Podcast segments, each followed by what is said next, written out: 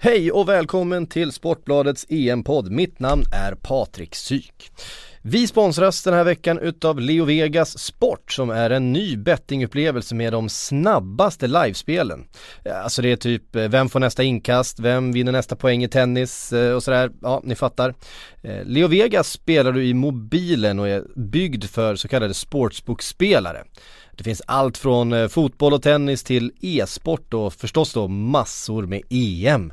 Så, nu rullar vi igång EM-podden.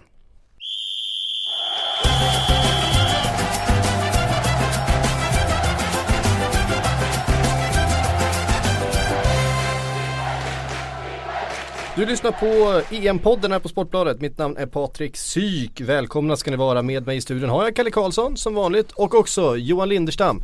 Eh, som eh, många av er kanske känner igen från våra biblar. Det är det du gör till vardags skriver de här. Och har skrivit en hel del om eh, EM-lagen i EM-bibeln förstås. Stämmer gott. Gör ju lite inhopp i Premier League-podden ja, och det jämna mellanrum. Så är det. Eh, även Sillypodden vid något tillfälle va? Nej. Eh, Deadline Day har du varit med och suttit det och, har jag varit. och, och eh, orerat, ordbajsat som vi gör där timme ut och timme in. Eh, det är härligt. Hörrni, eh, Sverige har klivit in i EM. Det känns ju sådär va? Ja det känns ju kul att vi får vara med i de här sammanhangen. Det är väl den eh, slutsatsen man kan dra efter gårdagens insats. Eh, det är roligt att vi får vara med och, och möta de här länderna som eh, De här Irland och de här länderna de som... ja men det är ju roligt att det inte känns som att är, att det är helt kört i alla fall efter en match. Nej, det är ju det, det, det, är det enda positiva efter alltså. gårdagen. Alltså ja, det är det enda, ja. att det inte är helt kört. För hade det blivit 1-0 då hade det ju varit över i princip. Och eh, nu lever vi ju på något sätt på någon, av någon outgrundlig anledning lyckades vi ju få 1-1 igår i en match som vi absolut inte var värda att få någonting ifrån. Ehm, och det är bara att tacka högre makter för det. Ja. Ja, eh, Eller alltså, Kyron Clark kanske vi ska tacka. Ja det är väl kanske honom vi ska tacka. Han jobbade rätt hårt för det där. Eh, han brände två lägen innan han till slut stoppade dit den Ja hade man bara sett, hade det inte varit en EM-match, hade det varit en match i i liksom en lägre division, då hade man ju utgått från att han var köpt. För att eh, han försökte ju verkligen självmål i den här matchen. Det var ju extremt. Alltså jag kan inte minnas någon spelare som har försökt så eh, frekvent att eh, överlista den egna målvakten. Men eh, till slut lyckades ju han. Ehm, lite symptomatiskt eh, att det var en spelare från det hopplösa Aston Villa som som hjälpte oss till den här poängen. En fantastisk blick också på målisen när, när, när, när den nickas in där alltså. Uppgivenheten. Så. Ja. Ja men det är, oh, jag vet inte. Men eh, samtidigt, det, vi får ju ändå liksom ändå eh, prestationen innan där. Zlatan som kommer runt sin motståndare och ändå får in den där bollen. Det är ju en utav i alla fall eh, några lyckade bolltouch från en svensk under, matchen. Det är ju en ganska, ganska, det är en ganska bra sekvens.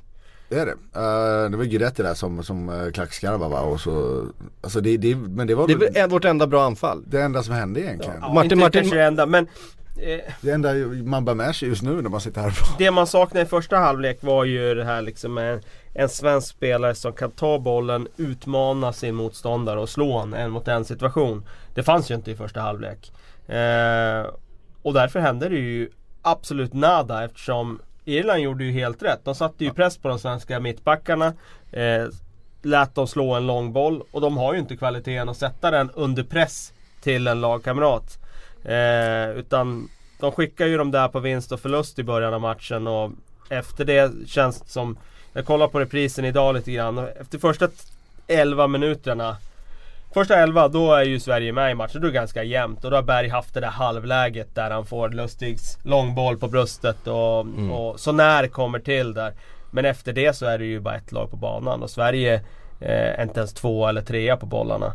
Eh, och känslan var att det var inte liksom något taktiskt haveri och sådär utan kvaliteten så fanns inte där. Fanns alltså, inte, om man har tio spel, eller nio spelare plus en halvdan Zlatan eh, nio spelare som inte har kvaliteten och så Zlatan som för dagen inte har eh, Får rätt service och blir liksom otålig när han inte får bollen, kommer ner djupare och djupare och hämtar bollen. Alltså då spelar det inte så stor roll vad man har gjort för matchplan. Det, nu kändes det som att Eh, Irland såklart vann den taktiska matchen. Deras diamant funkar jättebra mot Sverige. De låste centralt och Zlatan fick liksom små ytor och de kunde lämna ytor till de svenska ytterbackarna men där fanns det i alla fall ingen liksom, kvalitet i första halvlek att ta sig framåt. Men eh, jag tycker framförallt eh, det var en kollektiv kollaps i, liksom, som överträffade kollapsen i premiärmatchen i, i Ukraina för fyra år sedan. Den var ju eh, väldigt, väldigt svag men det här var ju ännu sämre. Och jag Det- trodde inte det var möjligt. Jag såg eh, Erik Niva kallade matchen direkt efteråt för den sämsta EM, sämsta mästerskapsmatchen eh, någonsin som han har sett Sverige göra. Ja, jag, jag tycker ju Sverige-Turkiet var ännu sämre. Eh, det var ju två dåliga lag den matchen då Ja. i EM Holland-Belgien 2000. Det är den absolut sämsta fotbollsmatch jag sett i mitt liv på den här nivån. eh, och eh, jag tycker att Sverige var ännu sämre i den matchen. Men det där är ju gradskillnader. Det beror ju helt på hur man, hur man eh, ser det. Jag kan säga eh, en kort anekdot om eh, Sverige-Turkiet. Jag såg den matchen på Hultsfredsfestivalen eh, faktiskt, eh, 19 år gammal. Den matchen var så dålig så att det blev slagsmål bland publiken, bland folk som bara tröttnade på varandra för man var så jävla uttråkad. Det fanns liksom inga falanger, inga eh, tillhörigheter tillhörighet eller någonting. Det var bara så jävla dålig stämning för att det var så dålig fotboll som spelats så att det blev stökigt. Eh, då är det en dålig fotbollsmatch. Det, eh, det var den. Om vi ska ta oss med oss någonting då. Vi måste ju liksom känna lite entusiasm här inför de minst två matcherna som vi har kvar att spela. Vi, eh, vi kan ju fortfarande, det, alltså med den här nya ordningen och att tre lag faktiskt kan gå vidare från den här gruppen eh, så finns ju ändå chansen att vi ska kunna krångla oss till en åttondelsfinal. Men vi ska minst möta Italien och Belgien. Eh, om vi tar med oss någonting härifrån då, vem var, vem var bra? Är det någon som får godkänt? Jag tycker Martin Olsson gör det bra. Eh, framförallt i andra halvlek. Då kommer han runt och slår inlägg och eh, slår dem dessutom med väldigt bra kvalitet. Eh, så att eh, han tycker jag var positiv. Isaksson kan man ju inte hänga. Eh, målet otagbart och gör väl någon bra räddning eh, dessutom. Så de kommer ju definitivt ifrån det här med godkänt betyg. Övriga kan ju betydligt bättre. Eh, jag tycker väl det finns i andra ändan några spelare som är långt, långt, långt ifrån den nivån som man kan kräva. Jag tycker till exempel Lewicki som vi har haft stora förhoppningar på tidigare. Han visar ju att han räcker inte till riktigt när han får för mycket boll. Alltså han, han kommer passa i en match där Sverige ska vara destruktiva och de bara ska springa och täcka ytor och vinna bollen och sen eh, spela enkelt. Men i den här matchen när det blir liksom en någonstans en jämbördig motståndare och Sverige ska försöka ha ett eget spel, då räcker det ju inte till. Det blev alldeles för segt i första halvlek med han och Källström på två manna mittfält. Och speciellt när Källström inte heller har hittat passningsfoten för han slog ju bort alldeles mycket bollar. Verkligen. Och då blir det så uppenbart. Och ganska enkla bollar Enkla också, bollar kändes som. och, och då, då har vi inget innermittfält kvar liksom. Det, då är inget kreativt överhuvudtaget. Det är svårt att spela fotboll utan ett innermittfält. Ja det är det ju och sen ska vi komma ihåg att eh, Irland har ju faktiskt eh, en riktigt kvalitetsspelare Mm. och, som var på spelhumör dessutom, Wes Hoolahan som eh, när han har sin dag i Premier League så eh, kan ju han oroa vilket försvar som helst i den ligan. Och Mm. den här matchen visar ju han att han eh, är ju en nivå till jämfört med de svenska mittfältarna. Eh, och han ägde ju centralt. Det, det var ju så, han droppade ner och det var han som det kretsade kring i Irland. Och vi fick inte riktigt tag på honom. Eh, och känslan är att det skulle kanske behövas en förändring. Vi kanske kommer in på det mer sen. Men det behövs nog en förändring eh, på det svenska mittfältet. Samtidigt som sagt, Lewicki tror jag kommer passa bättre mot en bättre motståndare. Eh, eller det är bara då han passar. Han ska inte spela när vi möter en jämbördig motståndare. Eller en sämre motståndare. Men är det inte en sån här match man lite ser hans tillkortakommanden liksom? Ja, varför han inte riktigt kanske Ja varför klubbarna i. Europa inte har eh, köpt Mm. honom? Eh, han räcker inte riktigt till i spelet med boll eh, på den här nivån. Ännu men eh, som sagt eh, det var fler i svenska laget som, som inte räckte till i den här matchen. Det var inte bara han. Nej. Eh, vi kommer förstås in på hur eh, vi eventuellt måste förändra det här laget. Eh, bygga om det lite grann till de mötena. Men Tiden som är knapp kan man säga. Det är fyra dagar vi ska Det- bygga om det här. Ja men det är fyra dagar vi ska, men det är också ett helt annat motstånd. Vi var inne på att Lewicki kanske eh, är en spelare för ett bättre motstånd och onekligen är det bättre motstånd som vi har kvar i den här gruppen. Lite snabbt bara, om ni skulle byta ut två spelare i det svenska landslaget till ett möte med Italien då på fredag, vilka två skulle ni byta ut? Eh, jag skulle byta in John Guidetti. För jag tycker att han har en, en, en aura, en inställning som det svenska landslaget ser ut att behöva. Igår var det väldigt tåglöst och jag hade gärna haft Guidetti med facit i hand mm. på plan. Däremot ska jag säga att jag tyckte det var helt rimligt att starta med Marcus Berg i en EM-premiär. Eh, eh, men eh, med facit i hand så behövdes Guidetti på plan. Nummer två eh, så skulle vi behöva få in lite fart på höger... Om jag bara får göra ett byte till. Mm. Eh, på högerkanten. Eh, en spelare som kan slå sin gubbe där. Då skulle jag ta in Jimmy Durmas till höger. Mm. Eh, Sebastian Larsson hade inte en bra dag igår heller. Nej, han hade ju en tung dag igår. Eh, och motiveringen där är att jag tror att Lewicki kan bli mer betydelsefull mot ett Italien än vad han var mot Irland. Eh, jag tror att han kommer bli mer betydelsefull mot Belgien än vad han var mot Irland också. Mm. Eh, Yes. Sen kanske det är så att vi måste eh, lite per, mer permanent då byta ut eh, Lustig som ju vad vi förmodar eh, gick sönder igår. Eh, han tog, tog så Ja den tog jag för given att han är ju borta ja, ett tag. Precis, vi ska, vi ska snacka med eh, Patrik Sjögren här från eh, Svensk Läge som just nu håller på att göra intervjuer eh, i mixad zon där så att vi kommer få en eh, direktrapport där nerifrån. Men då har vi Patrik Sjögren med oss ifrån, eh, var befinner du dig nu?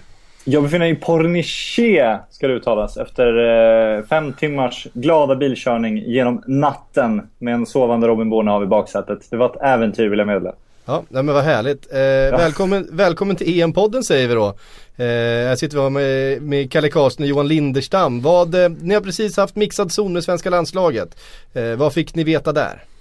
Eh, det var mycket prat om vad som hände igår. Varför det blev så fruktansvärt paralyserat. Varför Sverige blev så fega. Varför Sverige inte vågade ta tag i spelet. Och eh, vad som hände i omklädningsrummet. Där det var lite tjafs i halvtid enligt Martin Olsson. Eh, alla hyllar ju och säger att det är bra nivå, att man kan ta det. Men det var tydligt att det var, det var väldigt irriterat i omklädningsrummet i halvtid. Och eh, Sverige lyfte sig till slut efter att de släppte in 0-1. Men det var väl ingen som var speciellt nöjd. Sen måste ju spelarna självklart säga att, att de tar med sig det positiva. De tar med sig andra halvlek, hoppet lever, det var en livsviktig poäng. Men jag tror att alla var rörande överens om att det här var en, en stor besvikelse.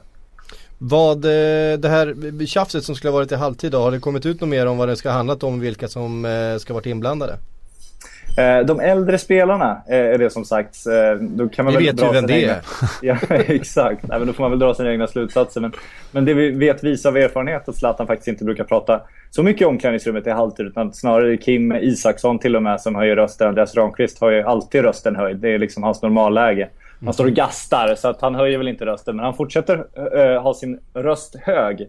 Och sen äh, tror jag Zlatan också ska ha sagt några ord men äh, jag tror inte att han var drivande om vi säger så.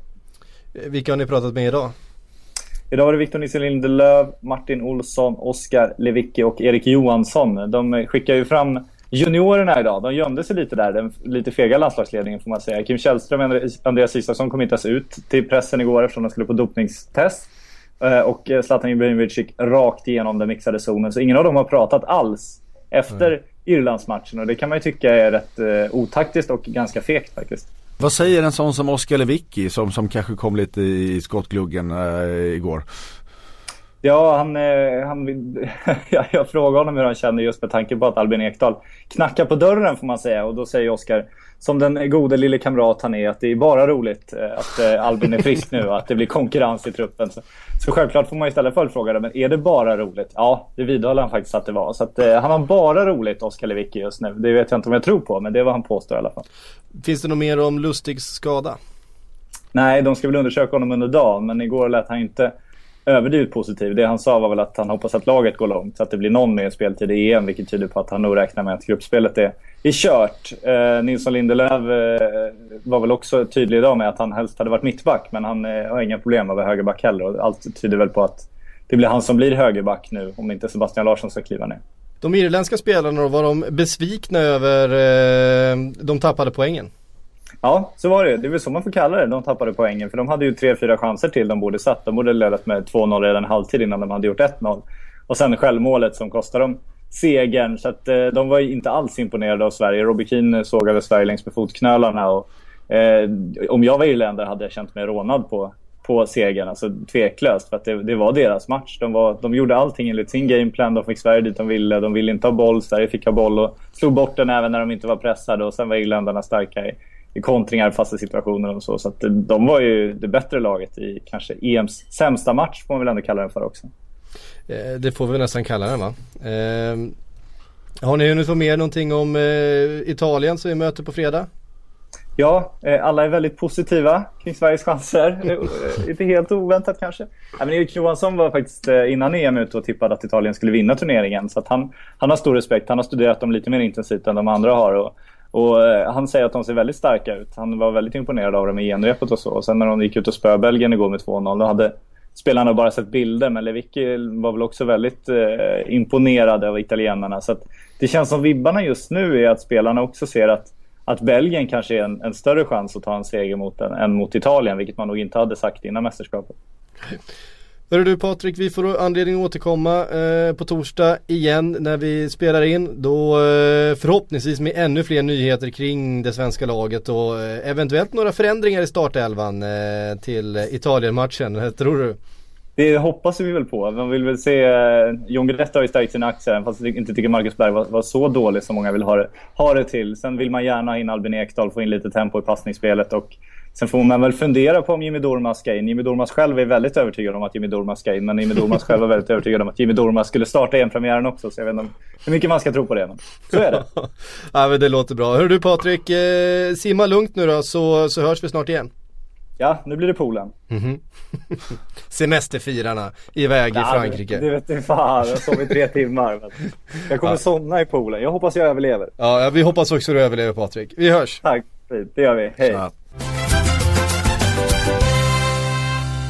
Vi får väl säga någonting om eh, Belgien-Italien igår, en match som eh, inte fick den, den karaktären som många hade trott. Det var att eh, Italien som kontrollerade mycket av eh, händelserna, ett förstås ett fantastiskt försvarsspel. Det, det visste vi på förhand att det skulle vara. Eh, men ett Belgien som inte alls kom upp i någon slags nivå. Det är ju, det är ju tio individuella fotbollsspelare, absolut inget lag där ute. Det var i alla fall känslan jag fick. Eh, Ja, det är ju en bra, bra sammanfattning. Eh, jag tycker väl inte kanske att matchbilden var speciellt förvånande. Eh, Conte ställde ut sin fembackslinje och framförallt den där trion från Juventus som känner varandra utan och innan och mer därtill. Eh, och att de skulle kunna spela snålt och täcka ytor och vara svåra att bryta igenom, det kunde vi ana. Sen hade man ju betydligt större förhoppningar på att Belgien skulle kunna få till någon slags eh, spets framåt. Det fick de ju inte och det var faktiskt det här jag såg i de matcherna jag granskade inför EM-bibeln. Att eh, det är inget bra lag, Belgien. Nej. De har väldigt duktiga individuella spelare och deras spelidé är väldigt, väldigt svår att sätta fingret på. För att det handlar egentligen om att de individuella spelarna ska göra sin gubbe och sen ska det hända saker. Det finns absolut inget eh, synkronisering i anfallsspelet. Det finns absolut ingenting som bygger på några liksom, eh, samarbeten eller eh, gemensamma kollektiva kombinationer. Utan det, ge bollen till Hazard eller De Bruyne och så ska de hitta på något. Och mot ett så drillat Italien så så räckte det inte. De har ju ett riktigt bra anfall i första halvlek Belgien och det är ju när de verkligen får till en, en kombination eh, Spel på Lukaku tillbaka till Witzell och så kommer Bruyne i, De Bruyne i den där löpningen och skjuter men de täcker såklart mm. det avslutet. Men mer ja, de har en kontring också där Och sen Luka... i andra, ja, men det, ja, precis, andra kommer vi till andra halvlek. Då, då när de jagar matchen lite mer, de går ner på trebackslinje där, de skickar in Mertens, eh, de eh, eh, ja, de blir lite mer desperata i sitt anfallsspel. Då kommer de ju till lite lägen. Dels den där kontringen som Lukaku såklart ska borra in. Mm. Och sen har ju faktiskt Origi ett, ett par, par, riktigt ett par bra lägen och han ska ju göra mål på dem. Ja. Um, Framförallt det första där han eh, nickar över. Det tycker jag... Jag tycker båda. jag ja, tycker ja, faktiskt båda. Mm. Sen var det ju faktiskt eh, lite tråkigt att se De Bruyne eh, i den här matchen. För att vi har ju så stora förhoppningar på honom. Och han var ju totalt misslyckad fram till... Han, han gör ju ändå ett par bra inlägg där. Eh, eller han gör något bra inlägg där och han slår ju den där fina passningen såklart till Lukaku. Och där visar han ju att han har en, eh, en hög högsta nivå. Men sett till hans totala insats så var han ju helt under eh, all eh, Det är ju den dyraste spelaren på plan. nivå som han har hållit i, i Premier League. Ja det är ju en, av de dyraste i världen. Ja. Och äh, han var han var totalt misslyckad igår. Mm. Eh, vi har fått en fråga från eh, Anton Adamsson som jag kastar in. Han är inne på det här med individualisternas landslag eh, snarare än ett kollektiv. Är det en tränarfråga undrar han? Är det, ehm, eh, nu glömde jag bort vad han heter. Mark Wilmot. Wilmots heter han. Alltså om vi jämför då eh, Conte som ju förstås är den, det största tränarnamnet i eh, den här turneringen och eh, den som ju är den profilstarkaste i alla fall, eh, tränaren av alla i alla de här landslagen, ja, men tillsammans med Jogi Löw kanske. Eh, och ja, Del Bosque ska väl kanske nämnas i sammanhanget också men, men han får ju verkligen ihop ett, eh, ett kollektiv här. Jag vet inte om ni har sett, Kalle, vet, du har ju tittat på, på matchen och, och eh, gjort dina analyser hur, hur eh, hela laget i försvarsarbetet, det finns en jättebra video som eh, cirkulerar på, på nätet där de har eh, speedat upp det lite grann och man ser det över hela planen hur, hur alla spelarna håller avstånden från varandra, hela tiden rör sig fram och tillbaka över banan, hela tiden synkroniserade, det är liksom tio man som försvarar. Eh, samtidigt som Belgien Ja, det är precis som vi varit inne på, det är upp till var och en att eh, försöka lösa alla problem och alla knutar. Eh, hur mycket är en tränarfråga här? Ehm, det är en tränarfråga men för att försvara Wilmots lite grann. Det är ju mycket enklare att sätta ett försvarsspel på kort tid än att sätta ett anfallsspel. Och därför är det ju lättare för ett landslag att komma till ett EM med två, tre veckors uppladdning och komma hit med en defensiv spelidé än att komma hit med en offensiv spelidé där man ska skapa. För det eh, tar ju betydligt längre tid. Sen har ju Conte en enorm fördel av att han har den här Juventus-kärnan som, eh, Som han ju såklart- känner. Ja men sätter fundamentet i det här laget. Han har Buffon och så har han en trebackslinje framför som vi vet håller världsklass. Han har ju byggt den. Ja, han har byggt den själv, Mm. de känner varandra så väl Så att de kan ju göra det i alla olika sammanhang Sen har han rutin framför med De Rossi Alltså De har ju en väldigt bra centrallinje och då har de ju någonting väldigt bra att bygga ifrån Så det är klart att hans uppdrag har ju varit mycket enklare än vad Mike Wilmots uppdrag har varit Men Ja, det är ju såklart en förbundskaptenens fråga också för att eh, Jag tror ju ändå att hade Säg att de hade bytt plats så hade ju i alla fall Conte haft en bättre idé med sitt Belgien i det fallet. Han hade, han hade haft någon form av anfallsidé som, eh, som de hade utfört. Och sen kanske inte den hade varit till fulländning men de hade i alla fall haft en idé. Det tycker jag inte att de har idag. Kalle, du hade fått en, eh, en annan eh, intressant fråga här gällande eh, Italien-Belgien-matchen. Kan du läsa upp den? På Twitter kan man höra av sig, man får mejla och man får höra av sig via röksignaler också om man vill. Men på Twitter är det lättast att använda hashtaggen Sportbladets EM-podd. Antoine Lisman ställer frågan så här. Fellaini fick 90 minuter, prata om det, punkt. Och, Det- eh, det kan man ju- Det det kan kan vi vi säkert göra. prata och vända och vrida på väldigt länge. Men eh, Fellaini är ju en Wilmots favorit till att börja med. Eh, och eh, det kan man ha mycket åsikter om. Han har ju en funktion att fylla i matcher där eh, de behöver få fast bollen. Men det här var ju absolut inte en sån match. Jag tyckte han hamnade helt i i ingenmansland som tia igår och ska liksom bli någon slags länkspel Hey, I'm Ryan Reynolds. At Mint Mobile, we like to do the opposite of what Big Wireless does. They charge you a lot, we charge you a little. So naturally, when they announced they'd be raising their prices due to inflation, we decided to deflate our prices due to not hating you. That's right. We're cutting the price of Mint Unlimited from $30 a month to just $15 a month. Give it a try at mintmobile.com slash switch. $45 upfront for three months plus taxes and fees. Promo rate for new customers for limited time. Unlimited more than 40 gigabytes per month. Slows. Full terms at mintmobile.com. spelare som får tillbaka spelen från Lukaku men det är inte han som ska ha de bollarna. Eh, så att han eh, funkar inte alls igår. Hade kanske varit intressant som plan B med kvart kvar när de börjar lyfta in inlägg och bara vara i straffområdet. Men från start i en sån här match, nej. Jag ser inte vilken funktion han fyller i det här belgiska landslaget. Det finns ju en Moussa Dembélé som eh, skulle vara betydligt intressantare att ha på plan. Ja, Som har haft form på ett helt annat sätt. Men han har haft en helt annan roll. ja. Som har fötter Ja, till exempel. Eh, med, med all den kvaliteten de har i, i sitt lag och, och, och, och ödsla den på honom i den rollen. Det, det, det, Ja. Är det inte helt osannolikt att, att Fellaini tar liksom nummer 10-rollen i ett lag som har sånt överflöd av, överflöd av kreativ eh, kraft? Jo, det blir ju någon slags ett underbetyg till Belgien. Det här är landet som är topprankat i, i världen på Fifa-rankingen och så har man Fellaini som tia. Det, det rimmar inte. Nej.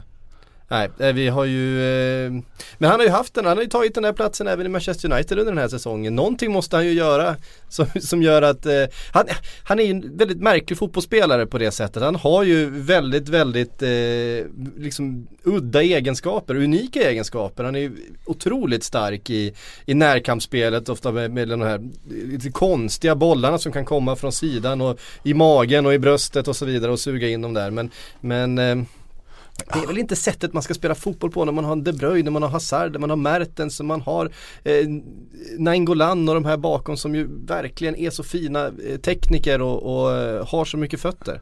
Alltså han, han hade ju sin absolut bästa period tycker jag när han var i Everton liksom och mötte bättre motstånd. Han kunde radera ut, han kunde liksom vara man of the match mot Arsenal liksom och vara, vara överallt liksom. Men då är det också i den här lite tillbakatryckta laget som inte förväntas föra matcherna. Här är det ett helt annat Belgien. Jag förstår inte vilken roll han riktigt kommer in och ska få i, i, i, det här, i den här elvan. Det, det känns som, ja, slänga bort en spelare som man har så mycket kreativ kraft att använda istället.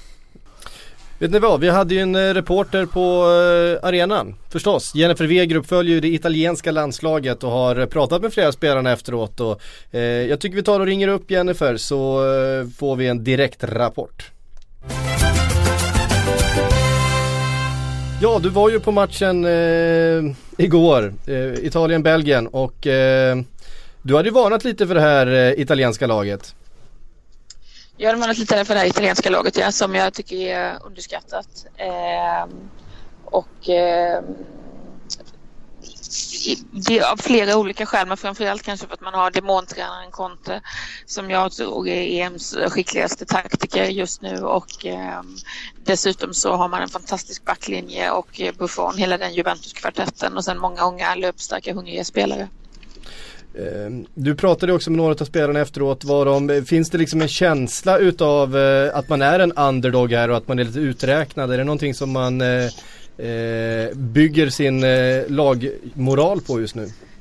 Eh, inte nu längre, kanske också efter den här matchen. Och om man ser före segern mot Belgien så var man nog kanske inte underdog, för det är väl Italien aldrig riktigt, men man var definitivt underskattad och det håller jag med om att de har byggt lite eh, på och i alla fall gillat läget. Jag pratade med Daniele De Rossi i natt som sa att eh, nu, nu kommer ingen underskatta oss mer och det är lite synd, det passade oss bra när vi slog underläge.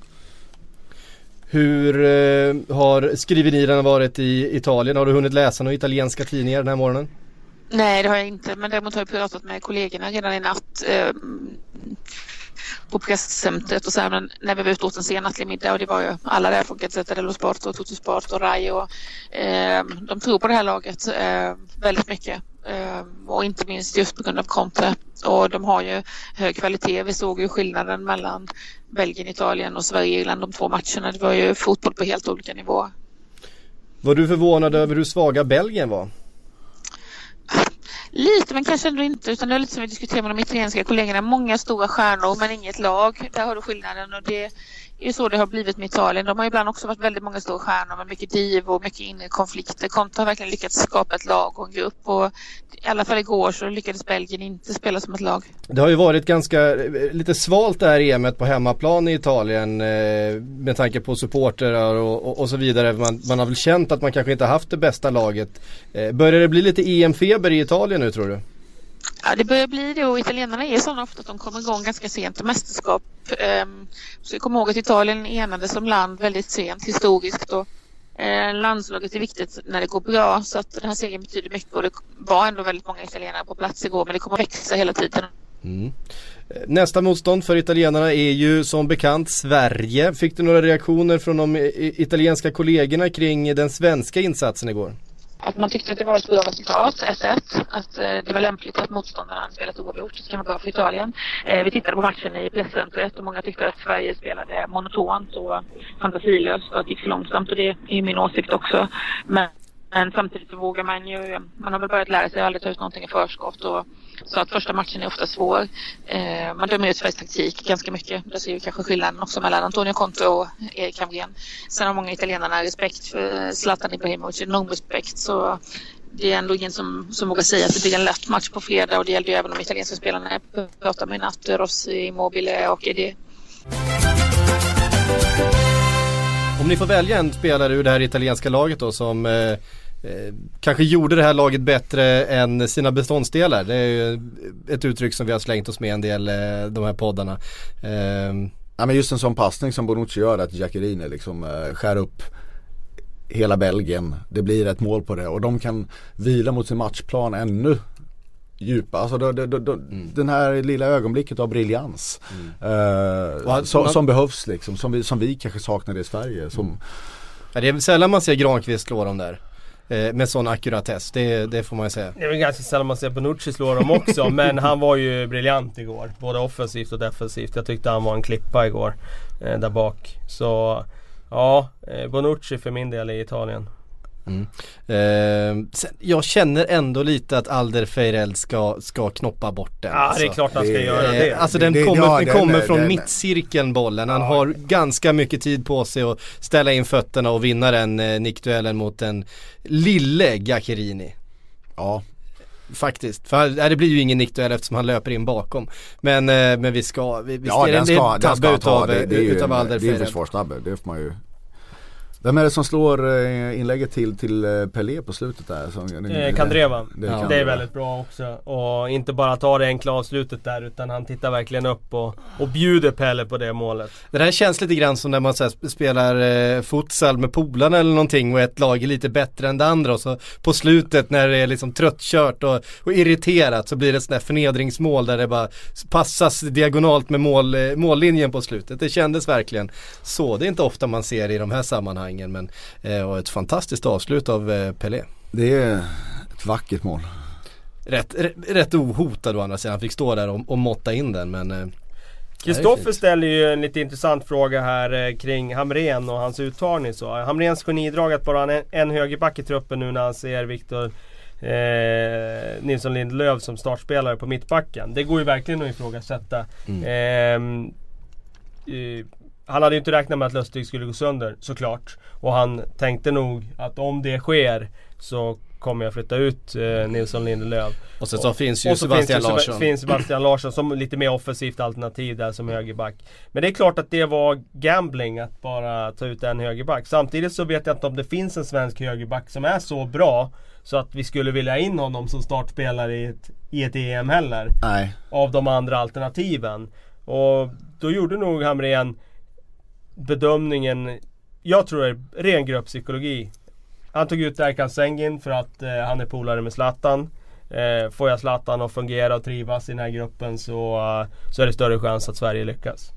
Det om gårdagen då, den svenska gruppen. Eh, vi återkommer som sagt på eh, torsdag med fler analyser eh, inför Sverige-Italien och ska titta på de där startelven och se vad, ifall Sverige faktiskt kan göra någonting mot det här italienska laget. Men vi har ju några fler dagar under det här EM-mästerskapet som har spelats och eh, vi kan väl bara plocka ut några russin ur den där kakan som vi har fått med oss. Eh, vilken match till exempel tycker ni har varit mest sevärd så här långt? Ehm, eh, Ehm, och de jag har sett tycker jag att Tyskland-Ukraina var en bra match. Ehm, framförallt när Ukraina insåg att de kan inte bara stå och titta på när Kroos och kompani står och rullar boll opressade. Utan de klev på dem lite grann i slutet av första halvlek. Då blev det ju faktiskt en riktigt bra match av det. Sen orkar de ju inte göra det i andra halvlek till den utsträckningen de hade behövt. Men eh, det är kul att se Tyskland. Det är, det är ju en lagmaskin som, som alltid är bra i mästerskap. Och, eh, när Schweinsteiger kommer in får göra 2-0 så är det en påminnelse om att det finns lite bredd i den där truppen också.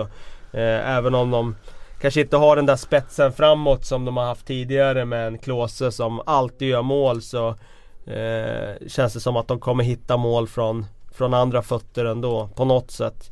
Eh, så att de imponerar tycker jag. Johan, du har Nej. sett allt va? Jag har sett allt uh, än så länge. Eh, jag har ju Polen som en liten dark horse. eh, som då fick, vi, vi, vi fick se Ar- Arkadiusz Milik istället göra mål istället för Lewandowski. Som ju har öst in mål i både Ajax och, och i kvalet också. Jag, och, Eh, 1-0 mot Nordirland men, men eh, jag tror ju fan att de har någonting alltså. Mm. Det, det, ja. Jag skulle precis nämna honom, vi har fått en fråga här från eh, eh, Jocke Shearer, eh, vilken hot prospect blir eftertraktad efter, efter EM med en omgång i facit? Eh, han tycker inte att någon okänd sett spännande ut, nu är väl inte Milik helt okänd men eh, jag tyckte ändå det var intressant att han klev fram som det, det faktiskt kanske största anfallshotet i, i det här Polen. Han är ju alltså en, en spelare under den här nivån om man ser pengar. Ja. Alltså du har ju Lewandowski, jag menar prospect, han är ju inte, han är, han är Lewandowski kastar ganska stor vad- han vet skugga. väl vem man är liksom. Men Milik har ju, har ju liksom eh, tillsammans med Lewandowski, i, i, de två som har, och, och Krychowiak förstås liksom, som har fört Polen till, till EM. Eh, viktiga mål, många mål eh, och fortsätter göra mål i klubblaget. Och han är en, vad är han, 23? Eh, han, han kommer ju ha större anbud efter sig. Och just som, som en sån klubb som Ajax liksom, som, som är en selling club.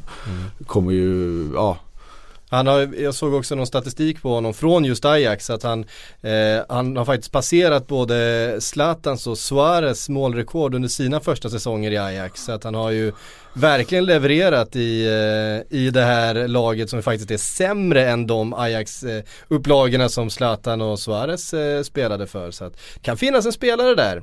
Eh, utan tvekan. Så Jag tycker även eh, Kapuska, eh, Ja. 19-åringen, eh, gjorde det väldigt, väldigt bra. Och det var ju verkligen en doldis för den breda publiken inför den här debutmatchen. Så att eh, han tror jag kommer att stå högt i kurs efter EM. Han spelar ju i Cracovia.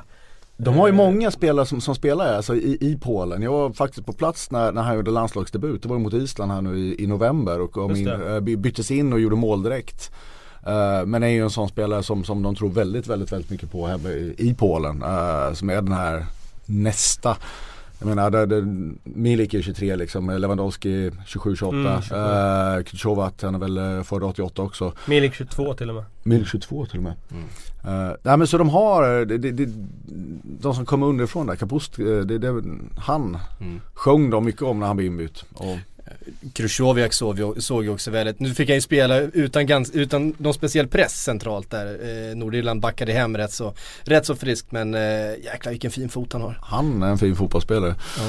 Det utan tvekan. England då? Hodgsons hypade juniorer eh, ställde upp med ett halvt eh, Tottenham eh, och fick en Tottenham, nej jag ska inte vara sån. Eh, den, men det blev en sen kvittering för, eh, för Ryssland. Det, det, det finns ett skämt där i någonstans eh, kring eh, ställa upp med Tottenham-spelare och vika ner sig på slutet. Eh, Förlåt, förlåt. Jag, jag ska inte vara sån. Men eh, vi fick i alla fall 45 väldigt intressanta minuter utav eh, Hodgsons England. Ja, jag tyckte de var väldigt, väldigt bra i första halvlek.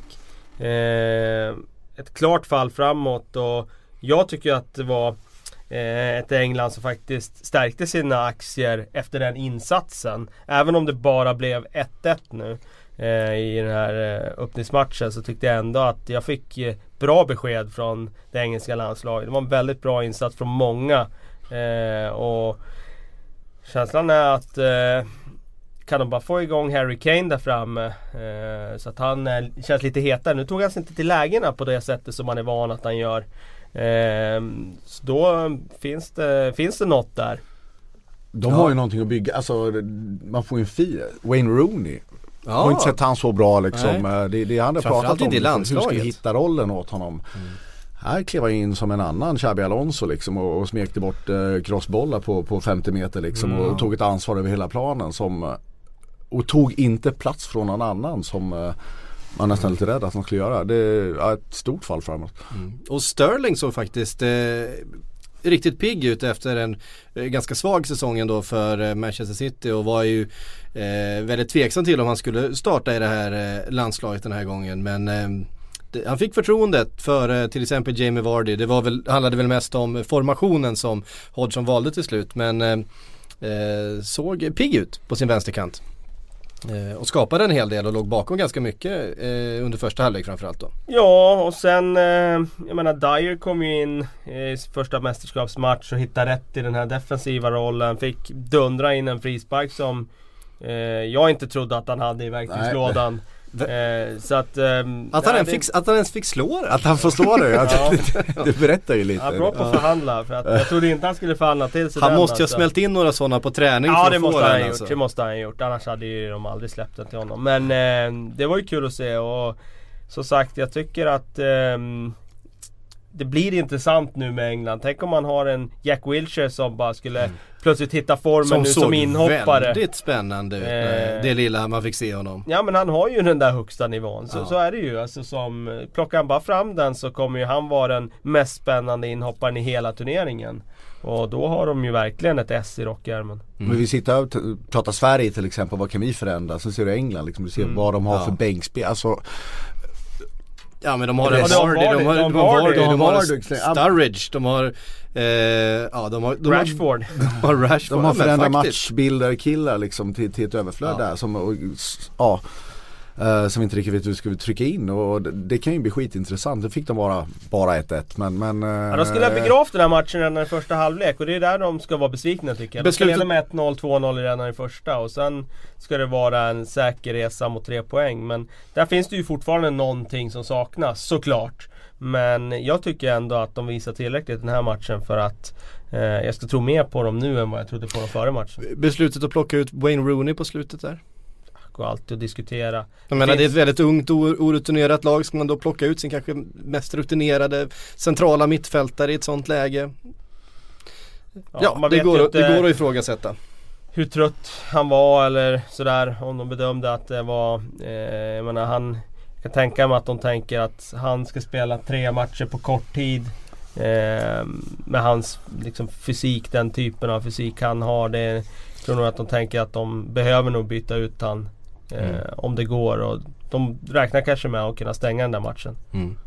Eh, ett par individuella prestationer då från eh, de matcherna som har spelats. Värda att nämna Dimitri Payet. Nu har det gått några dagar och vi har hunnit men smälta den, den här. Men insatsen är ju värd att nämna ändå. För det tycker jag är EMs bästa individuella insats hittills. Alltså, fantastiskt. Eh, han har ju varit bra i Premier League. Men sådär bra har han ju inte varit. Han har ju inte liksom plockat fram det där allround-spelet. Alltså spelmässigt. Det var ju varje touch han dominerade Ja. med. Alltså han var magisk. Eh, och i det tempot. Ja, alltså, alltså- det var ju i högsta han, hastighet. han hade kunnat gjort ännu fler poäng. Jag menar han eh, hade ju ett par inlägg som, som de borde ha gjort mer av. Mm. Eh, så att ehm, han sätter jag på toppen. Sen sätter jag nog Luka Modric Ja. snäppet under bara. Inte mycket men eh, Otroligt två, en god tvåa. Ja. Eh, han eh, har ju den där förmågan att bara dominera en match. Sätta rytmen i, i ett, på ett mittfält och, och göra allting som krävs och inte mer egentligen av en situation. Han överarbetar ju aldrig Luka Modric. Han gör ju ingenting för sakens skull för att det ska vara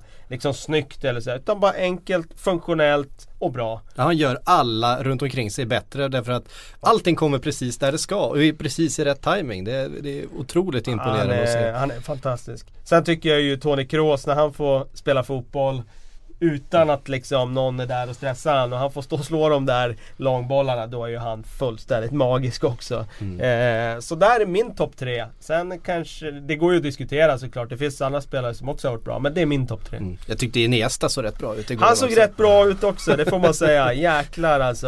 32-åringen som eh, som Han kan liksom fortfarande. Still going strong, ja verkligen. Det var, Det är ju, det är ju de bästa, det är ju de bästa fötterna. Alltså, Alltså bollen ligger ju så limmad vid foten. Eh, och Faktum är ju att jag tycker inte att Spanien egentligen imponerade igår. Eh, de eh, känns ju fortfarande uddlösa. Den där frågan kring vem ska göra målen, den lever ju fortfarande ja, det är onekligen. Och som lag imponerar de inte men när de har en Iniesta eh, så är det klart att de har ju alltid en källa till liksom, att det kan hända någonting. Men tyckte ni inte att det, att det, att det hände någonting när Aduriz kom in? Eh, Jo, han är lite mer på- i- Igår, det fanns, Nej, det, helt plötsligt kändes det som att det fanns en spelare där inne som var en referenspunkt liksom att Ja men det, Han tog vi, vi lägen, hittar vi ett han. lägen för Morata vill ju gärna löpa över större ytor och då och då så dyker läget upp och då kanske det inte finns någon där inne som, som hela tiden ligger beredd att slå sin back. Men det var ju där jag tyckte det kändes som att Spanien fick en dimension till när de fick in en riktig striker helt Det var enkelt. ju rätt läge i matchen för att ha en Aduriz på planen, alltså en ren boxspelare så. Sen tycker jag att Morata gjorde det bra i första halvlek, alltså som länkspelare. Han kom ner, tog emot, släppte. Han tar sig ju till ett par lägen i första halvlek också. Han är ju väldigt nära att ge laget ledningen där. Tjeck gör någon bra räddning där.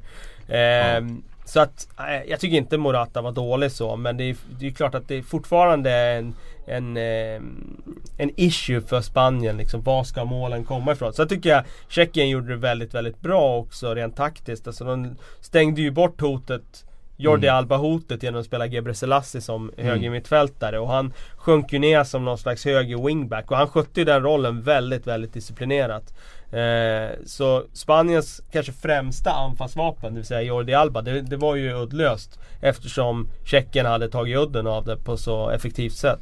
Så att eh, Förut fanns det en Xavi, det fanns en Iniesta, det fanns liksom fler fötter som kunde hitta den där öppnande passningen. Nu känns det som att det är mycket, mycket kreativt ansvar som vilar på Iniesta. Nu eh, lyckades han ju eh, vrida fram en, en assist där i slutminuterna och då räckte det. Men jag är inte så säker på att det räcker över en hel turnering. Eh, Nej, Ja, nej, men det finns eh, verkligen en hel del att ta med sig. Nu har vi ju faktiskt inte alla, hela första omgången spelat sen. Vi har några, några kvar i, i kväll och imorgon och så eh, Lasse Lava ska ju in. Exakt! Eh, Lasse Lagerbäck mot eh, Ronaldo, det är ju varandras eh, totala ytterligheter. Det är ju fire and ice alltså, det är helt underbart. Man, och, och så gillar man ju att Lagerbäck ute och svingar lite inför här och kallar Pepe och, och Ronaldo för Hollywoodstjärnor och Ja men det roliga är, har han sagt det här nu eller är det hans gamla citat som återanvänds? det kan man inte vara helt säker på men det är ändå jag, det är jag ändå vet inte roligt. heller. Men, men jag, jag har sett ju, att det har snurrat nu. Det är ju det är, det är en passande tidpunkt med tanke Ja, på det- Champions League. Eh, vi har ju Champions League-finalen där till exempel. Pepe betedde sig som eh, Pepe gör. Eh, och Det är, det, det är ett, alltså jag, jag, jag gillar ju det där mittbacksparet alltså med, med eh, Bruno Alves och, och, och, och, Pepe. Alltså det, jag, jag har fortfarande inte smält den där, där mordförsöket på Harry Kane i träningsmatchen inför när han eh, foten upp. fo- foten i huvudet.